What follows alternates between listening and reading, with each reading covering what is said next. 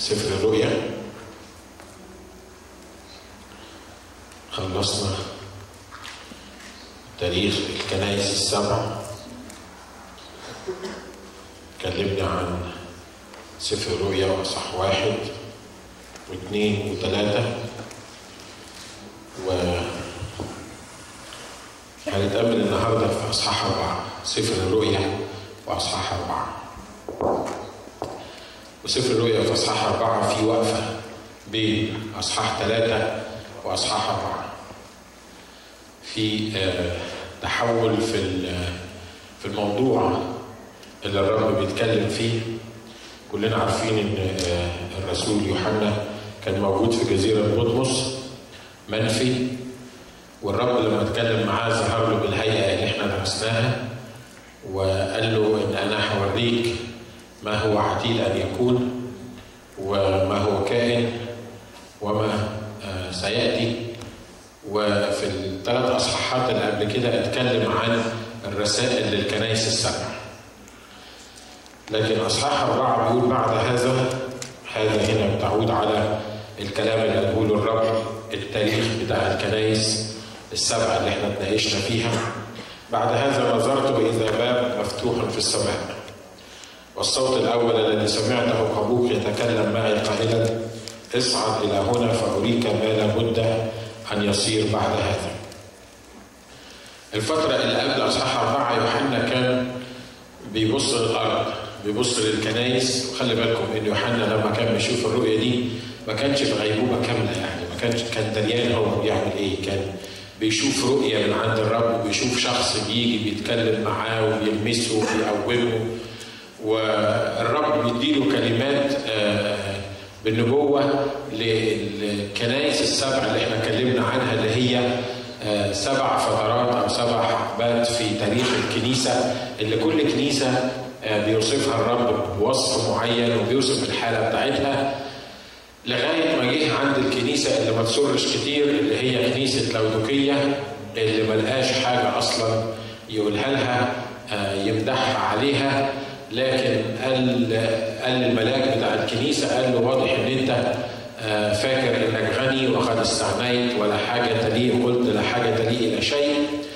وقال له الأوصاف بتاعته بعد كده قال له الكلام اللي أنت بتفكر فيه ده كلام مش مظبوط لأن الحقيقة أنت مش عارف إن أنت شقي وأعمى وعريان وبائس ومسكين وأشير عليك أن تشتري مني ذهب مصفى بالنار وكحل لتكحل عينيك واضح إنه الرسول يوحنا وهو بيشوف التاريخ بتاع الكنايس يمكن كان شوية بيقول معقوله الكنيسة توصل للمستوى ده؟ الكنيسة اللي كان بيتكلم فيها الرب زمن الكنيسة اللي كان بيتكلم فيها الرب اللي الرسول يوحنا كانت كنيسة افسس الكنيسة الأولانية. الكنيسة بتاعت الرسل الكنيسة اللي صحيح الرب وجه ليها لوم لما قال له لكن عندي عليك انك تركت محبتك الاولى لكن الكنيسه دي كان فيها مميزات كتيرة وبعدين ابتدى رسول يوحنا بروح النبوة يشوف اللي هيمر على الكنيسة وإن الكنيسة هتيجي كنيسة سمرنا وهيبقى فيها ضيق عشرة أيام والبعض هيبقى في السجن وبعدين شاف الكنيسة بتاعت الزواج بالإكراه وشاف الكنيسة بتاعت الممثلين. وانتهى بالصورة القاتمة للكنيسة بتاعت كنيسة لودوكية. ولو الرسول يوحنا كان مركز في اللي هو بيقوله وشايفه يشوف إزاي ابتدت كنيسة الله قوية آه روحية ليها تأثير الناس عليهم نعمة من الله عندهم هيبة ما كانش حد فيهم محتاج كان كل واحد فيهم آه بيصرف اللي عنده علشان يساعد الآخرين. كانت الكنيسة بتنادي بالكلمة الحية والله بيثبت الكلمة دي بالايات التابعة. الكنيسة دي القوية الكبيرة اللي الرب أسسها في الآخر خالص لقى الكنيسة إن ملاك الكنيسة والكنيسة بيقولوا إحنا مستغنيين إحنا مش محتاجين حاجة وزي ما قلنا في كنيسة لودوكية إن كنيسة لودوكية قالت إحنا مش محتاجين حاجة لأن فعلا لما تنظر للكنيسة النهارده تحس إن إحنا مش محتاجين حاجة بالنسبة للكنائس اللي إحنا اتكلمنا عنها. فاحنا النهارده عندنا الكتاب المقدس بآلاف الترجمات وعندنا كتب الترنيم المؤلفين الترنيم آه، ما كانش ملايين يبقوا الاف والآلات الموسيقية وكل الاختراعات وفعلا الكنيسة تقدر تقول أنا استغنيت ولا حاجة تليق إلى إيه؟ إلى شيء لأن الإمكانيات بتاعت الكنيسة كمان الملايين اللي بتتصرف أو الملايين اللي بتصرف على مستوى العالم على عمل الله على التلفزيون والبرامج التلفزيونية يبدو أنها نهضة رائعة كبيرة بتشمل العالم كله ونشكر الله عليها. لكن الرب بينظر لهذه الكنيسة للحالة الحقيقية بتاعت هذه الكنيسة ومفيش وقت إن إحنا نتكلم عليها تاني لأن اتكلمنا عليها في مرة قبل كده بينظر للملاك بتاع الكنيسة بيقول له شكلك بتقول أو انت أنا شايفك بتقول انك غني وقد استغنيت ولا شيء. لكن الحقيقة ده مش الواقع، أنت لست تعلم أنك أنت الفقير والأعمى والعريان والمسكين والبائس. أنت محتاج تاخد كحل مني تكحل عينيك ومحتاج تاخد ذهب مصفى بالنار والرسول يوحنا يمكن لما جه عند الحتة دي كان متحير كان بيقول الكنيسة هتوصل للمستوى ده معقوله الكنيسة اللي أنا شايفها دلوقتي اللي هو كان جزء منها اللي كان عايش أيامها توصل للمستوى ده؟ توصل في لانها تنغمس في العالم وتوصل إنها تنقسم على بعض وتوصل للمستوى الرديء اللي واصلة ليه دلوقتي. وهنا الرب وقف الوحي عن كنيسة لودوكية وبيقول وبعد هذا بعد هذا المنظر المشهد الغريب اللي ما كانش حلو كتير انه يوصل لمستوى الكنيسة الأخيرة يقول وبعد هذا نظرت وإذا باب مفتوح في إيه؟ في السماء. ولما نظر نظر فين؟ نظر واضح إن هو كان نظر في السماء مش كده؟ الكنايس تاريخ الكنيسة كان بيتكلم عن إيه؟ كان بيتكلم عن الأرض. كان بيتكلم عن حالة الكنيسة في الأرض. لكن الرسول يوحنا هنا بعد الوقفة بتاعت كنيسة لودوكية أنا بتخيل إن بعد كنيسة لودوكية يمكن رفع عينيه للسماء عشان يقول للرب وآخرتها إيه مع الكنيسة؟ شكل الكنيسة هيبقى أسوأ من كده في إيه؟ يعني هنعمل إيه؟ بيقول لما نظرت للسماء بعد هذا بعد ما سمعت كل الكلام ده نظرت إلى السماء وإذا باب مفتوح في إيه؟ مفتوح في السماء.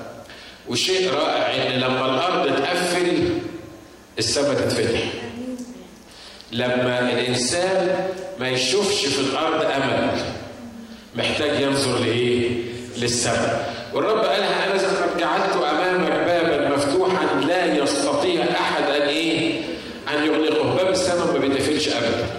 باب السماء مش محتاج يوحنا الحبيب عشان عشان ينظر ليه لكن باب السماء بالنسبة لينا كأولاد وكبنات للرب في أي لحظة بنحس إن إحنا ملناش وجود في الأرض مش قادرين نكمل. الأمور معقدة زيادة عن اللازم. إحنا فاضل لنا حاجة بسيطة وننهار. دي نصيحة دونها الكتاب هنا من الرسول يوحنا. بيقول بعد هذا بعد ما الدنيا وصلت للمستوى بتاع كنيسة لودوكيه بعد هذا نظرت وإذا باب مفتوح في إيه؟ مفتوح في السماء، خلي بالكم يا بخت الشخص اللي يقدر يشوف الباب المفتوح في السماء. الرسول يوحنا ما انشغلش بحالة الكنيسة وما انشغلش بالمشاكل اللي موجودة عنده. زي ما إحنا مرات كتيرة بنعمل، إحنا بنشتغل بظروفنا وإمكانياتنا وبتقصيراتنا وخطايانا واهمالنا اللي إحنا بنعيش فيه لدرجه ان إحنا ما بنقدرش نرفع عينينا لفوق، لدرجه ان إحنا ما بنقدرش نبص للسماء وكأن بقية السماء بتاعتنا هي جزء من الأرض اللي إحنا عايشين فيه فاحنا مش متوقعين ان إحنا نشوف حاجة جديده في السماء. لكن الشخص اللي اختبر الرب، الشخص اللي أحب الرب، الشخص اللي كان بيتكئ على صدر الرب، الشخص اللي عارف إنه لما الدنيا كلها تقفل الحتة الوحيدة اللي مش ممكن يتقفل الباب اللي فيها هو السماء هو اللي بيقدر يرفع عينيه وينظر إلى إيه؟ إلى السماء. خلي بالكم الرب ما قالوش بعد أصحاح ثلاثة الرب ما قالش بعد هذا سمعت صوتا قائلا لي انظر للسماء في باب مفتوح لكن اللي حصل إنه إيه؟ اللي حصل ان هو رفع عينيه عن الأرض ونظر للسماء فرأى بابا إيه؟ باب مفتوح، أمال إحنا ما بنشوفش الباب المفتوح ليه؟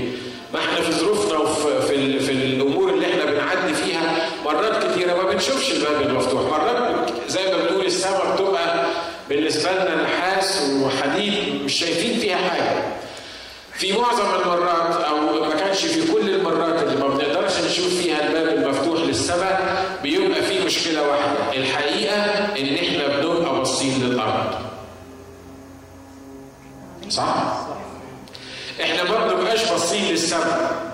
لأن في كل مرة ابن لله بينظر للسماء في كل مرة مهما كانت حالته.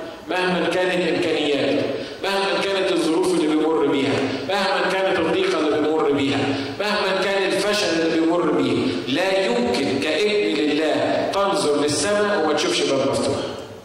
مستحيل. الكلام اللي أنا بقوله مش بقول كلام عاطفي لكن أنا بقول اللي علمه الرب يسوع بنفسه. بيقول إنسان كان له ابنان واحد فيهم خد امواله وبعد في كوره بعيده وبذر كل ماله بعيش مسرف وكلكم عارفين القصة وكان من الخروف بتاع الخنازير كان بيشتهي ان يملا بطنه من الخروف بتاع الخنازير وهو في حاله الخنازير قال اقوم وارجع إلى ابي واقول له اخطات للسماء وقدامك ولست مستحقا ان ادعى لك إيه ابنا يعني قال ببساطه أنا خلاص الأرض بالنسبة لي قفلت الأرض بالنسبة لي مش قادر اعيش فيها ما عنديش إمكانيات ان أعيش فيها. أنا هعمل إيه؟ أنا هقوم وأذهب إلى أبي. الكتاب بيقول وإذ كان لم يزل بعيدا رآه مين؟ رآه أبوه يبقى أبوه كان واقف يعمل إيه؟ أبوه كان واقف بينتظر مش كده؟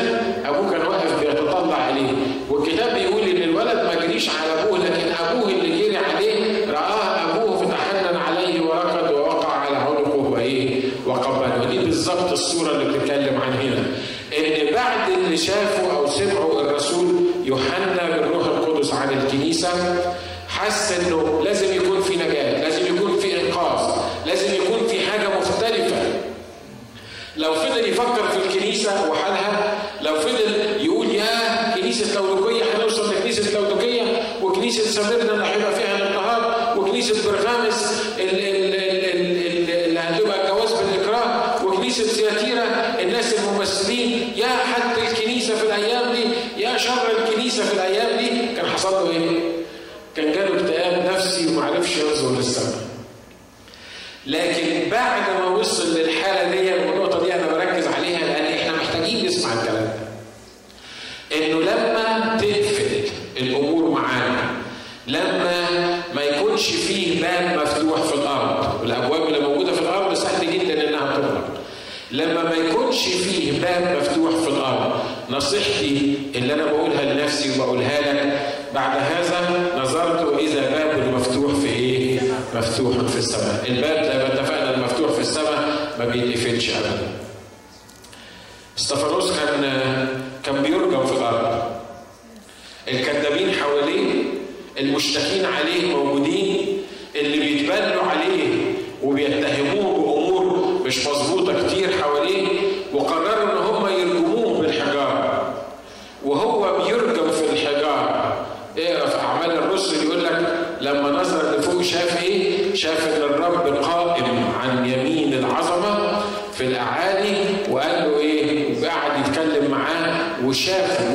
شايف دلوقتي أنا شايف الرب واقف عن يمين العظمة.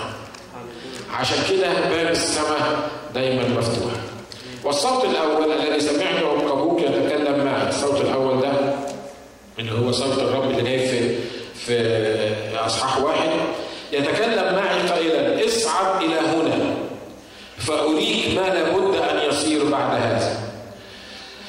خلي بالكم شاف باب مفتوح في السماء وصوت بيتكلم ليه والصوت بيقول له إيه؟ بيقول له اصعد إلى هنا فأريك ما لابد أن يصير بعد إيه؟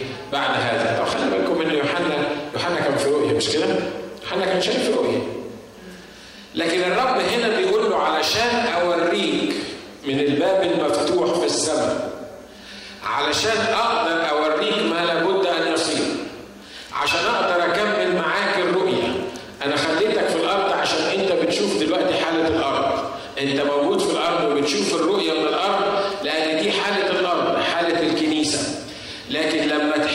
بنشوف الأمور بتاعت السماويات ما ينفعش تشوف أمور السماويات وأنت موجود في الأرض. آمين. آمين؟ يعني لما تحب إن الرب يفتح باب في السماء ويوريك أمور السماويات ما ينفعش تعيش في الأرض وهو يوريك السماويات ما ينفعش. لما الرب كلم يعقوب علشان يتعامل معاه عشان يديله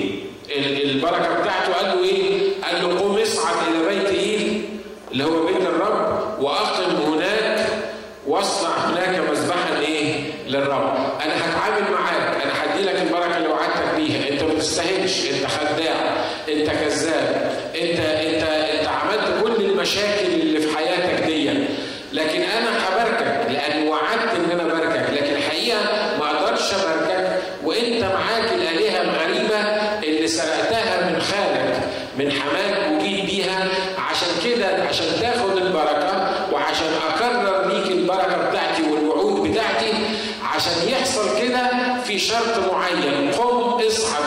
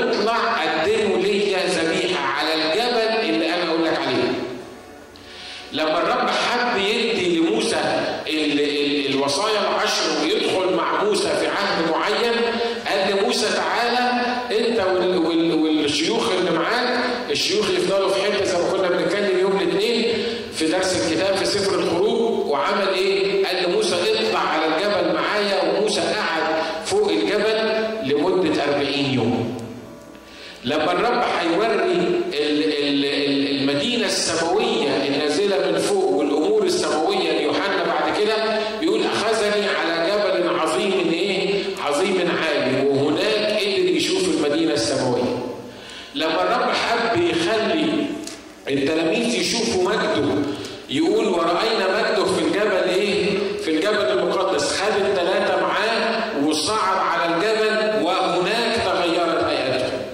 ما كانش ينفع تتغير هيئته مع التلاميذ كلها، ما كانش ينفع تتغير هيئته تحت الجبل، ما كانش ينفع يعلن لكل الناس عن عن المجد بتاعه، لا، في ناس معينين أنا عايز أعلن لهم اعلانات روحيه ما أقدرش اعلنها لهم في المكان اللي هم موجودين فيه في بالطريقة اللي عايشين بيها في المستوى اللي عايشين بيه تحت الجبل ده ما ينفعش إن أنا أعلن لهم عشان أعلن لهم إعلانات روحية لازم أخدهم معايا على جبل عظيم عالي وهناك يدينا الرب الإعلانات الروحية اللي عايز اديها آمين So it's up to you. انت عايز تطلع؟ انت عايز ال ال ال ال ال الصعود مع الرب ما هوش سهل. دايما سهل مش كده؟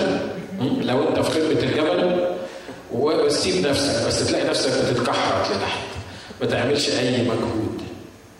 لكن عشان الرب يديلك إعلانات روحية بيقول له إيه؟ بيقول له اصعد قائلا اصعد إلى هنا يتكلم معي قائلا اصعد إلى هنا فأريك ما لابد أن إيه؟ أن يصير بعد هذا. الأصحاح ده مليان بالأمور الرائعة. خلي بالكم الرب بيقول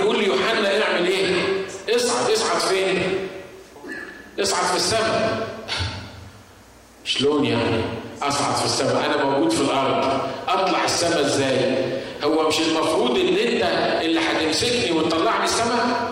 مش المفروض ان انت هترفعني وتطلعني السماء هو يوحنا يقدر يطلع من نفس السماء هو شايف باب مفتوح وهيشوف الأمور السماوية لكن يوحنا حقيقي يوحنا يقدر يطلع نفسه السماء لو يوحنا ما يقدرش يطلع نفسه السماء ولا الرب بيقول له اصعد ليه واضح إن يوحنا مش هيقدر يطلع نفسه السماء لكن يوحنا عليه دور إنه يسمع اصعد فيعمل إيه؟ فيصعد.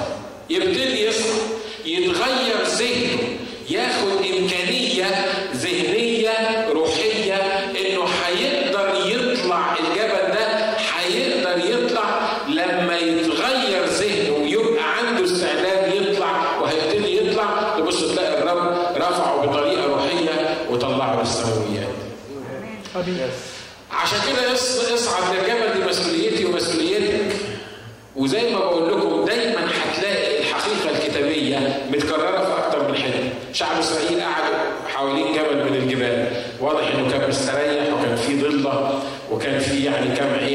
يشربوا منهم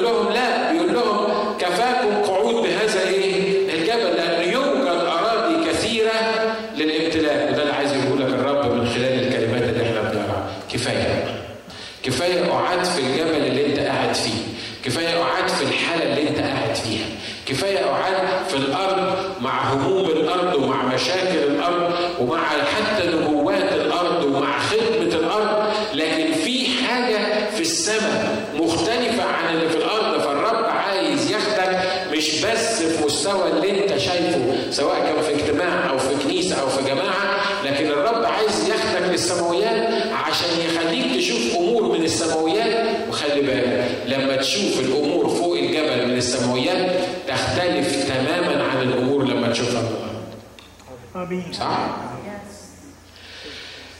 لما تشوف الأمور في الأرض هتلاقي نفسك باصص للأرض. والحاجة الصغيرة هتشوفها كبيرة جدا. لما تقف جنب المبنى ده تحس إن دي نهاية الدنيا. أنت مش مش عارف تجيب آخره من الناحية الثانية مع إنك لما تبتدي تطلع كلنا جربنا الطيارة مش كده؟ أكيد لأن ما حدش فيكم مولود في أمريكا. كلكم مولودين مولودين بره. فعلى الأقل ركبت الطيارة مرة واحدة. لو كان عندك الشجاعة إنك تبص من الشباك وتشوف كل ما تطلع الطيارة كل ما تشوف أنت الأول ما كنتش شايف الا جناح الطيارة. الطويل الكبير اللي حاسس إن ده نهاية الدنيا. مش قادر تشوف حاجة تاني. أرض المطار بس. لكن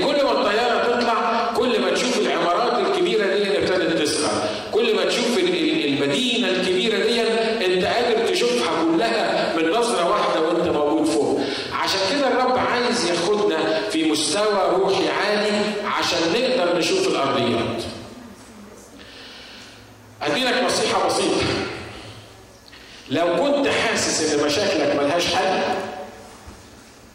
لو كنت حاسس إنك مش قادر ومستحيل إنك تنفذ حاجة معينة لو كنت حاسس إنك جبت آخرك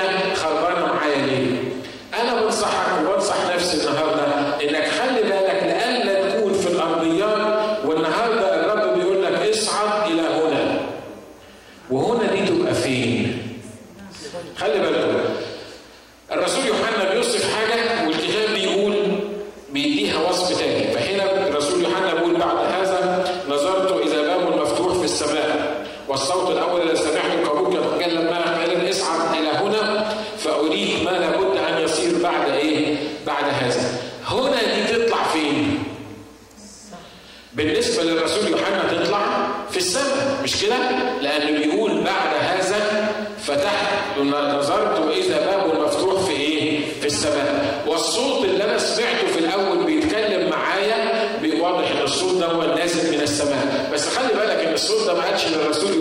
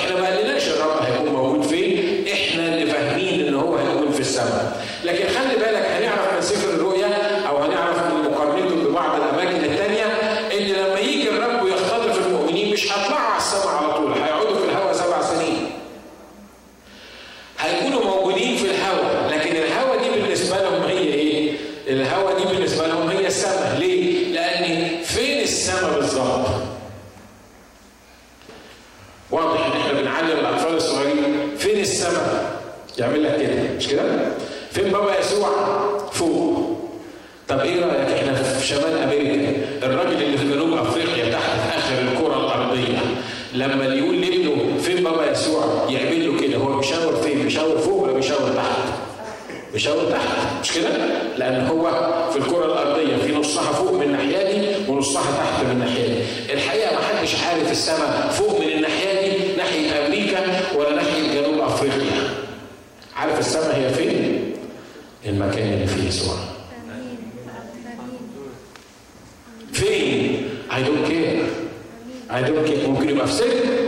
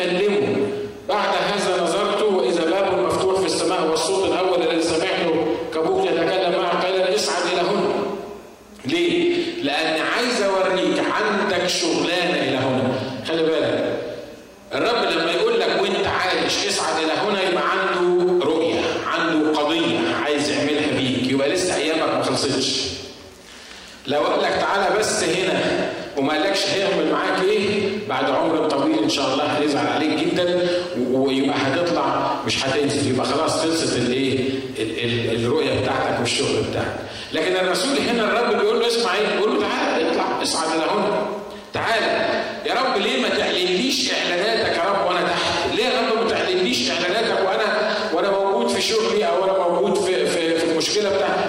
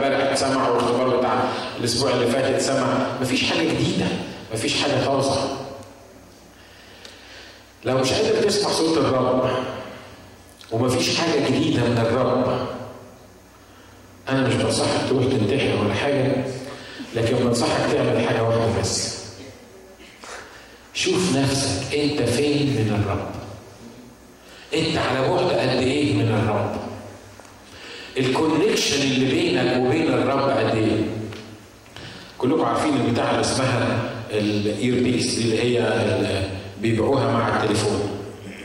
امبارح مسكت البتاعة دي لقيت مكتوب عليها إيه؟ إن أنا ممكن أحطها في ودني. والتليفون على بعد 10 متر. وأتكلم في التليفون. لو أكتر من 10 متر بيحصل إيه؟ يقول لك disconnected مش مش متصلة بالتليفون. ليه؟ لأن ال earpiece بتاع دي ودني مش في مجال التليفون. واضح اللي أنا عايز أقوله ده؟ أنا بدي لك مثل عملي عشان تقدر تفهم أنا بتكلم عن إيه. أهو الحقيقة الإير بيس بتاعتي دي اللي موجودة عشان تسمع صوت الرب لازم تكون في مجال الرب. لازم تكون في في المدى اللي الرب بيكلمني فيه. لازم أكون في المحيط بتاع الرب. لو طلعت من المحيط بتاع الرب لأي سبب من الأسباب ما توقعش ان أنا هسمع الرب وبعدين لما اسمعش الرب الأمور دايما تتلخبط. ولما الأمور تتلخبط وأنا مش سامع الرب أحاول أدور على حد بيسمع علشان يقول لي الرب عايز يعمل معايا إيه. واضح إنه لو الراجل دون أو الست دي قالت لي حاجة مش ماشية مع مزاجي أصل أنا بعيد عن ال connection اللي بسمع فيه فتكون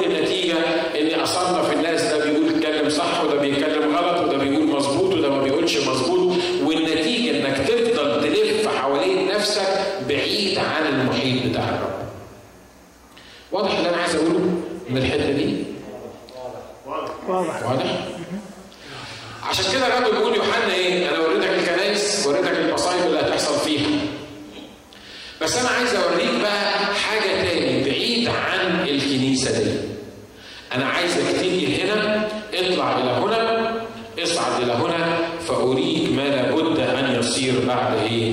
بعد هذا يقول لك وللوقت صرت في الروح يعني إيه الوقت صرت في الروح أمال هو كان فين؟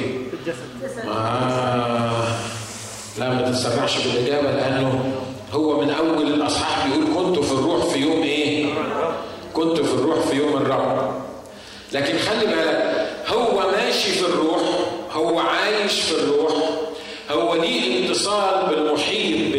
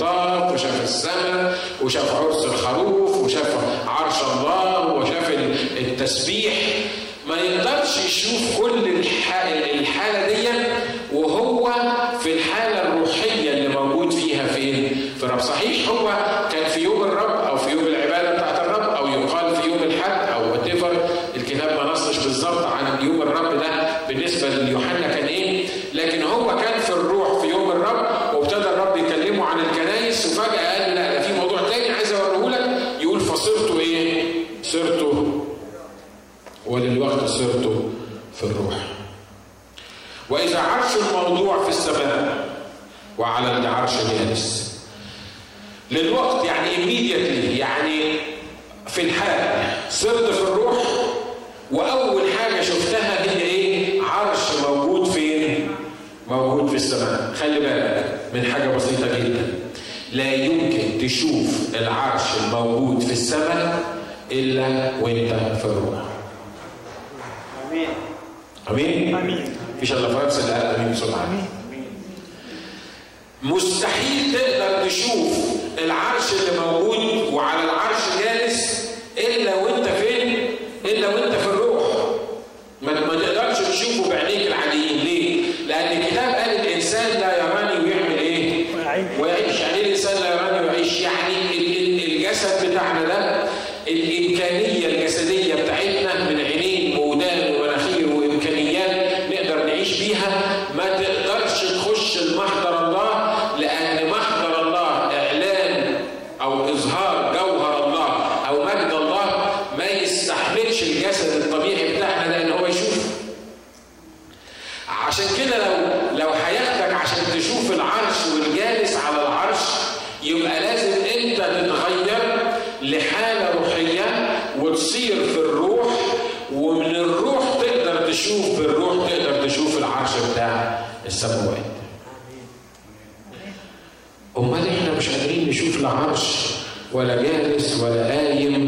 ولا حاجة خالص. إحنا شايفين الغلا وال...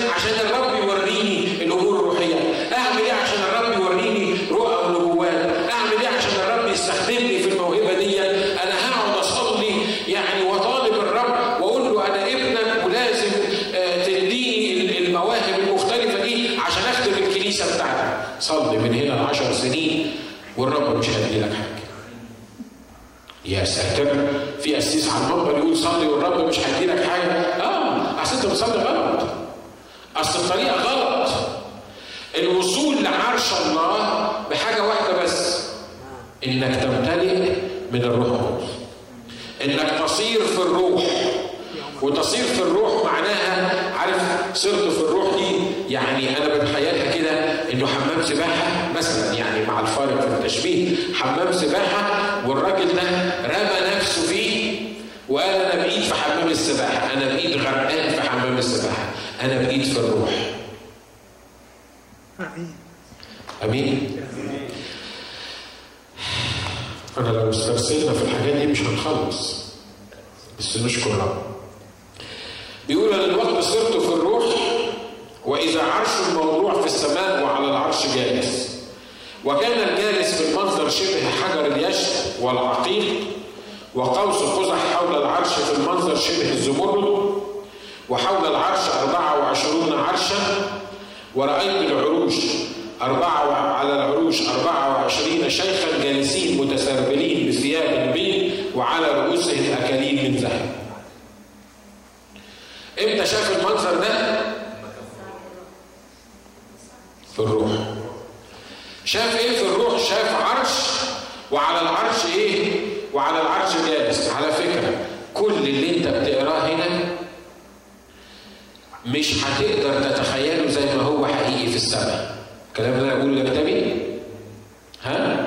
لأن الكتاب بيقول ما لم تراه عين وما لم تسمع به اذن وما لم يخطر على بال انسان ما أعده الله للذين إيه؟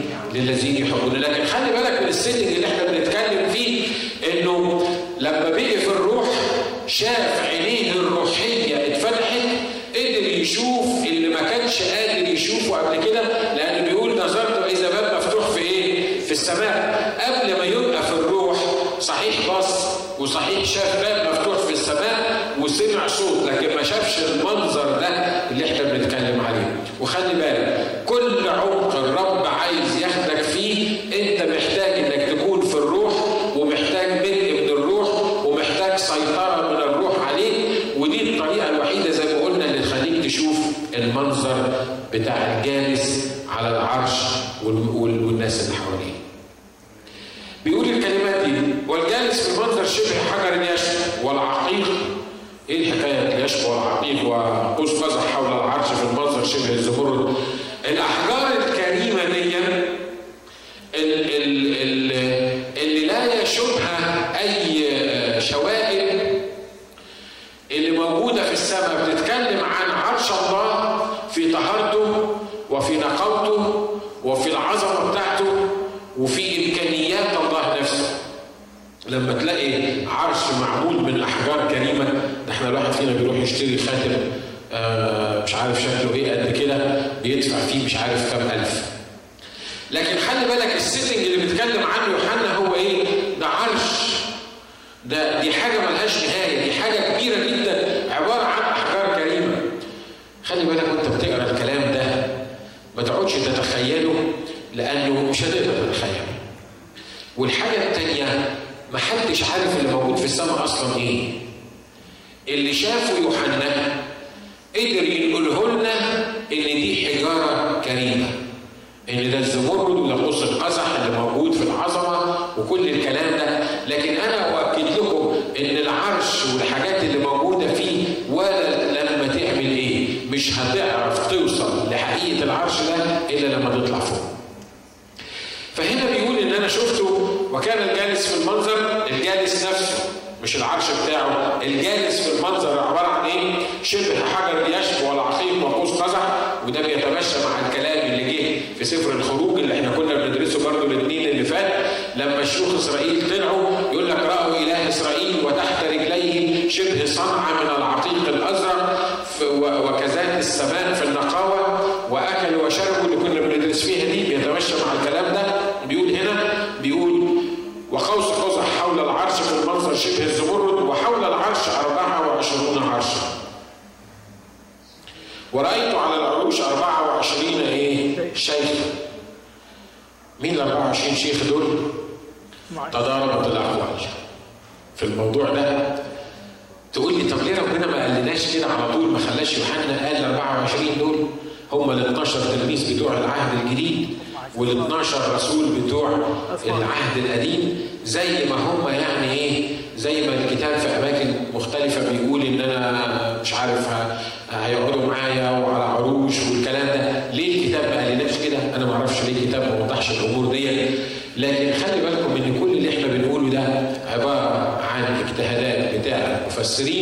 وزي ما قال الكتاب مقارنه الروحيات بالروحيات بنقارن الأمور دي بآيات تانية موجودة في الكتاب. فالبعض بيقولوا إن ال 24 دول عبارة عن 12 و12 وعدد 12 ده عدد الكمال وعدد الكمال معناها إنه كمال الأمر. يعني لما يقول 12 شيخ و12 شيخ أو 24 شيخ مش معناها بالعدد دول 24 واحد قاعدين على 24 عرش لكن دي معناها اللي هو إن كل المؤمنين اللي اوصافهم جت بعد كده الشيوخ دول اوصافهم بتقول إيه؟ بتقول كل واحد فيهم شيخ واضح إن عنده الحكمة لأنه لما بيتكلم عن الشيوخ بيتكلم عن الحكمة. آمين. آمين. فبيقول دول شيوخ والشيوخ دول عاملين إيه؟ متسربلين بثياب بيض وعلى رؤوسهم أكاليل من ذهب. هو السيتنج ده لو ما خدتش بالك من اللي جاي بعد كده تحس إن الله هو هو ربنا قاعد أو يسوع قاعد أو الله الآب قاعد على عرش وحواليه 24 شيخ قاعدين على عروش. والأوصاف بتاعتهم دي لابسين ثياب بيض وعلى رؤوسهم تيجان من ذهب هو إيه بالظبط اللي بيحصل؟ مش الله إله واحد. مش هو اللي جالس على العرش. خلي بالك إن لما وصف ال ال العروش بتاعت الناس دول ما قالش شكلها إيه. مش كده؟ اللي خد عينين يوحنا كان العرش الإيه؟ العرش الكبير اللي عليه جالس اللي قال الأوصاف بتاعته. وهذه الأوصاف بتاعته لا تنطبق على الشيوخ اللي قاعدين جنبه. أنتوا معايا؟ ها؟ يعني ما اتكلمش عن كل عرش من عروش الشيوخ ان هم برضه يعني هو من من الزمرد ومش عارف شجر حجر اليشب والعقيق وحواليه 24 عرش من حجر اليشب والعقيق وقوس قزح حوالين كل عرش لا ليه؟ لأن الحقيقة ال 25 عرش مش متساويين العرش اللي في النص لو جاز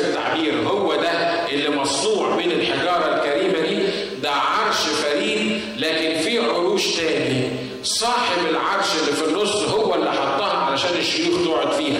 فلا تتساوى عروش الشيوخ مع عروش الايه؟ عروش الله اللي موجود في الصدارة في السماء. بيقول كده الناس دول شيوخ وده بيتكلم عن الحكمة. جالسين واضح إن هم مش مستعجلين مش واقفين لكن دول قاعدين مطولة معاهم يعني. وعندهم وصفين. وكل شيخ يقعد على عرش من العروش دي سواء كانت ال ال ال الشيوخ دي الأسباط في القديم والتلاميذ في الجديد أو إحنا المؤمنين كل شيخ يقعد على العروش دي لازم تنطبق عليه ثلاث حاجات. اولا يكون عنده الحكمة والكتاب قال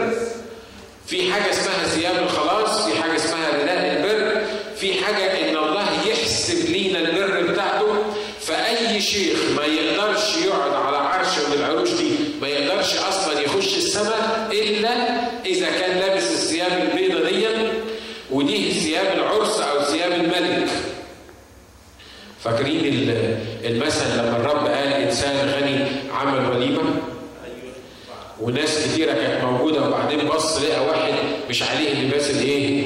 العرس قال له يا صاحب أنت دخلت إزاي هنا؟ أنت دخلت غلط. ما قالوش خد بعضك واطلع لا ده قال إيه؟ قال لك إن الملائكة و- واتصرفوا معاه واربطوه واعملوا فيه اللي أنتوا عايزين تعملوه. فاللي قاعدين على العرش دول متسربلين بثياب بيض وعلى رؤوسهم إيه؟ اكاليل من إيه؟ من ذهب. تقول لي اكاليل من ذهب مش ده الرب اللي المفروض يبقى على راسه اكليل من ذهب زي ما اتفقنا ان هنعرف بعد كده وهنقرا في نفس الاصحاح ان الشيوخ دول بياخدوا الاكاليل بتاعتهم وبيحطوها عند رجلين الرب بيقولوا له انك مستحق انت ايها الخروف المذبوح انك تاخد المجد والكرامه وبيخلعوا الاكاليل بتاعتهم عند قدمي يسوع.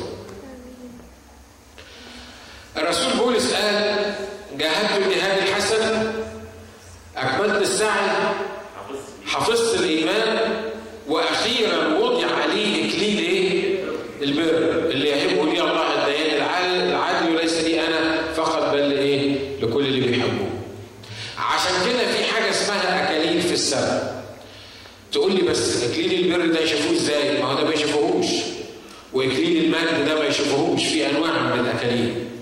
الله امال بيقول هنا اكليل ذهب ليه؟ لأن دي الحاجة اللي هيشوفها يوحنا.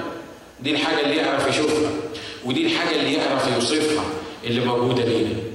أنا هخلص عند الحتة دي لأنه واضح إن إحنا اتكلمنا كتير في في الخدمة النهارده ويمكن المعلومات تكون هتخش في بعض وبعد كده هتبقى هتسيح على بعض فبلاش يعني هن هنقف عند الحتة دي. خلي بالك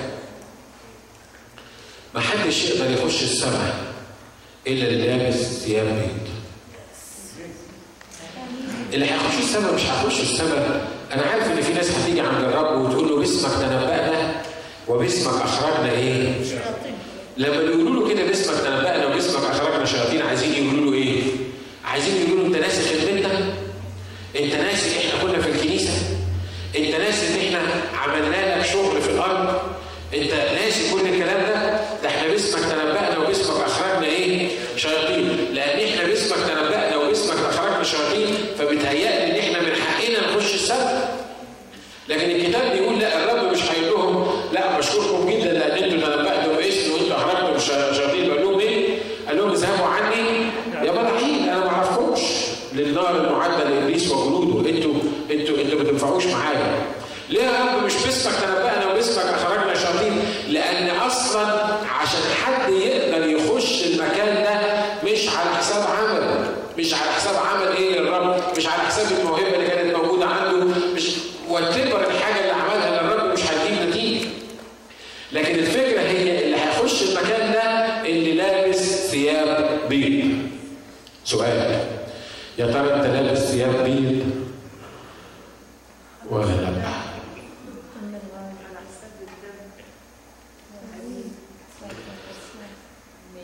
هللويا انت لابس ثياب بيض سؤال ليك آمين. مستنيك تجاوب Yes.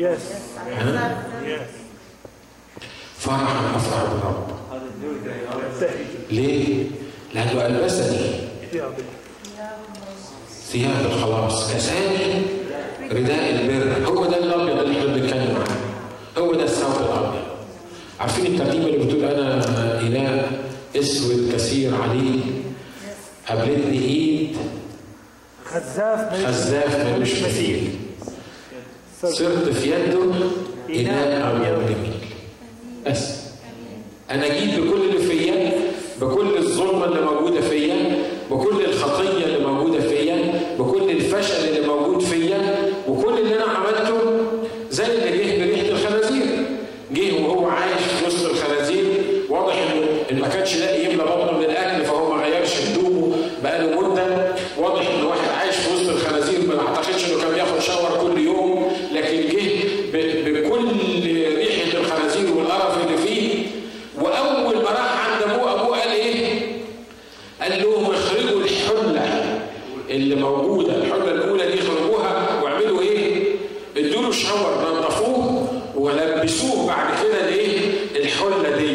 عشان ده ابني ابني هذا كان ميت فعاش وكان ضلا فايه فوجد الكتاب بيقول مر بينا في زمان الحب لقانا شكلنا إيه ملقين على قريعه الطريق بكراهه نفوسنا وبيقول بيقول لاسرائيل بيقول لها يوم ما اتولدتي كنت زي طفله آه، حتى مش شرعيه وانك كنت في دمك وأنا خدتك بدمك وقلت لك بدمك تعيشي وغسلتك وطهرتك ولبستك الثياب لبستك ال- ال- المطرز ولبستك ال- ال- ال- الثياب البيضاء حدش يقول امين مجد للرب وهللويا هاللويا لأن أنا وأنتم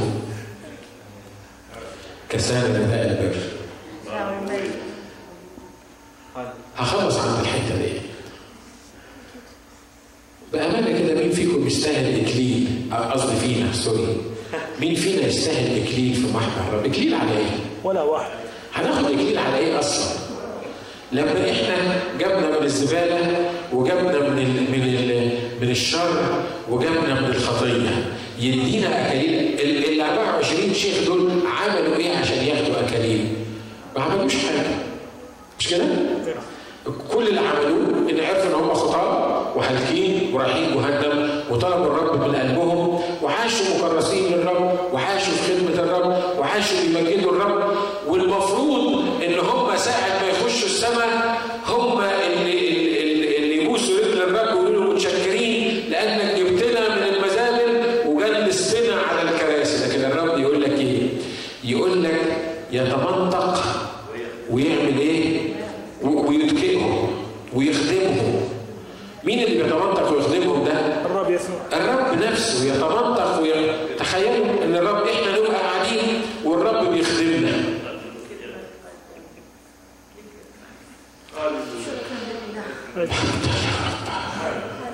مجد للرب مجدا على فكره العروش مش 24 بس في عرش 25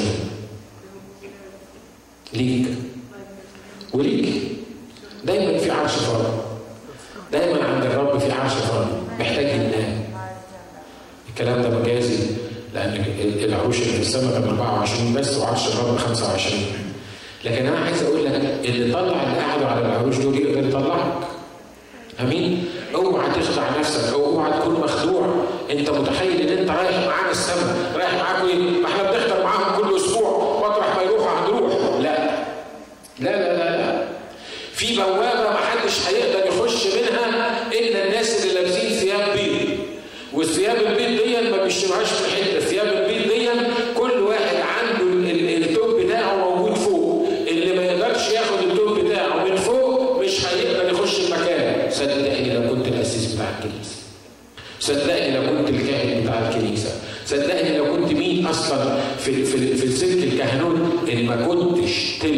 الثياب اللي الرب يديها لك you will never be able انك انت تخش المكان اللي فيه الرب. آمين؟ أنا فرحان. لأن ليا ثياب بيض ما استاهلهاش. أنا عارف. ده مش تواضع. أنا ما استاهلهاش. لكن كساني نداء البر أعطاني ثياب الخلاص جلسني على عرش خدنا رفع المتضعين زي ما بيقول الكتاب بياخد الناس المصدرة وغير الموجود وبيجلسهم معاه في عرش مش الكتاب قال كده؟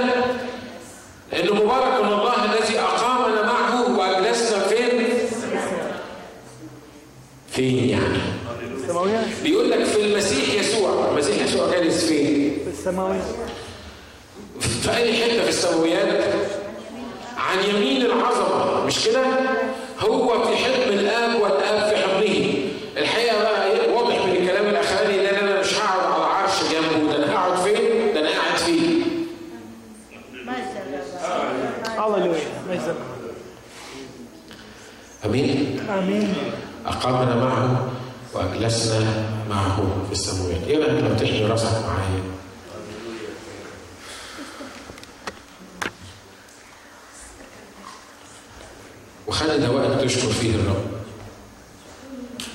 قول يا رب أنا مش عارف أقول لك إزاي متشكر أنا مش عارف أعبر عن الدين اللي عليا. أنا مش عارف أعبر ليك يا رب عن إزاي إن حياتي كلها شكر لجلالك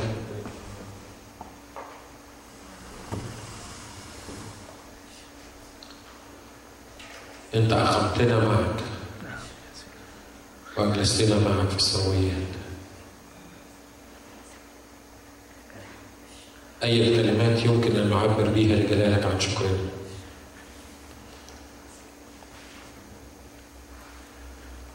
أنت مستحق كل الشكر.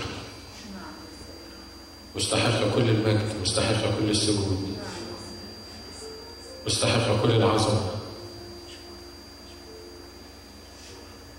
أشكرك لأجل الباب المفتوح في السماء. أشكرك لأجل الباب المفتوح في السماء. اللي ما بيتقفلش أبدا.